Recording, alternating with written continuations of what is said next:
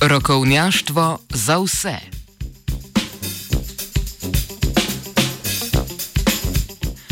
Dobro jutro. Razburkani teden znanstvenih novotarij zaključujemo z objavo v reviji Science Translational oziroma Translational Medicine. Se pravi, razburkani teden znanstvenih novotarij zaključujemo z objavo v reviji Science Translational Medicine. Znanstvenikom in znanstvenicam je uspelo razviti živčno-mišični umestnik, ki ustvarja uporabne signale za nadzor bioničnega uda pri pacijentih z amputiranimi deli rok. S takšnim pristopom so dosegli za uporabnika bolj intuitivno premikanje delov protetične roke, predvsem prstov in dlani.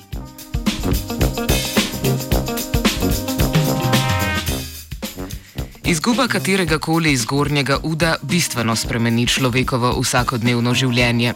Po ocenah Svetovne zdravstvene organizacije živi na svetu približno 30 milijonov ljudi, ki potrebujejo nadomestni ud za povrnitev kvalitete življenja.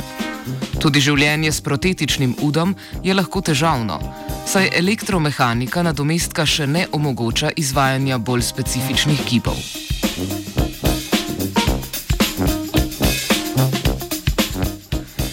Kirurški odstranitvi dela telesa, ki je potrebna naprimer ob zapletih pri sladkorni bolezni, poškodbah pri delu in pri zdravljenju raka, sledi dolgotrajna regeneracija okoliškega tkiva. Po operaciji lahko ustraja tudi žilčna bolečina okoli prekinjenih žilčnih vlaken in vzdolž odstranjenega uda. Po teh vlaknih namreč še vedno potujejo navodila za izvršitev giba, ki pa ne morejo več doseči odstranjenih mišic.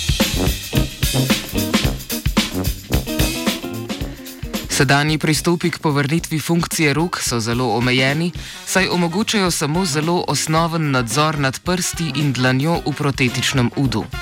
Regenerativna medicina si zato že dolgo časa prizadeva povečati funkcionalnost protetike.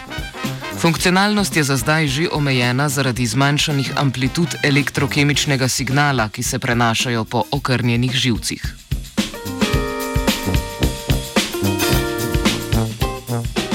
Raziskovalna ekipa z Univerze v Michiganu je razvila sistem, ki poveča amplitudo signala v skrajšanem živcu. Živčne zaključke v krnu poskusnih oseb so obdali z majhnimi mišičnimi usadki, na to pa so počakali tri mesece, da se je mišični usadek primerno ožilil in oživčil. V takšni strukturi, ki jo motorični sistem bržda zaznava kot regeneracijo uda stran od mesta amputacije, pride do povečanja amplitude živčnega signala. Ta signal je potem uporaben za nadzor protetičnega uda.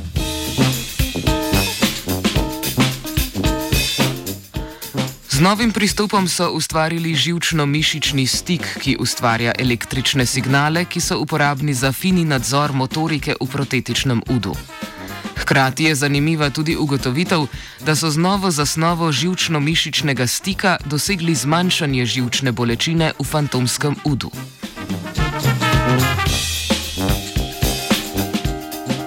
Današnji zbritev je finančno podporil kapitan Kluka.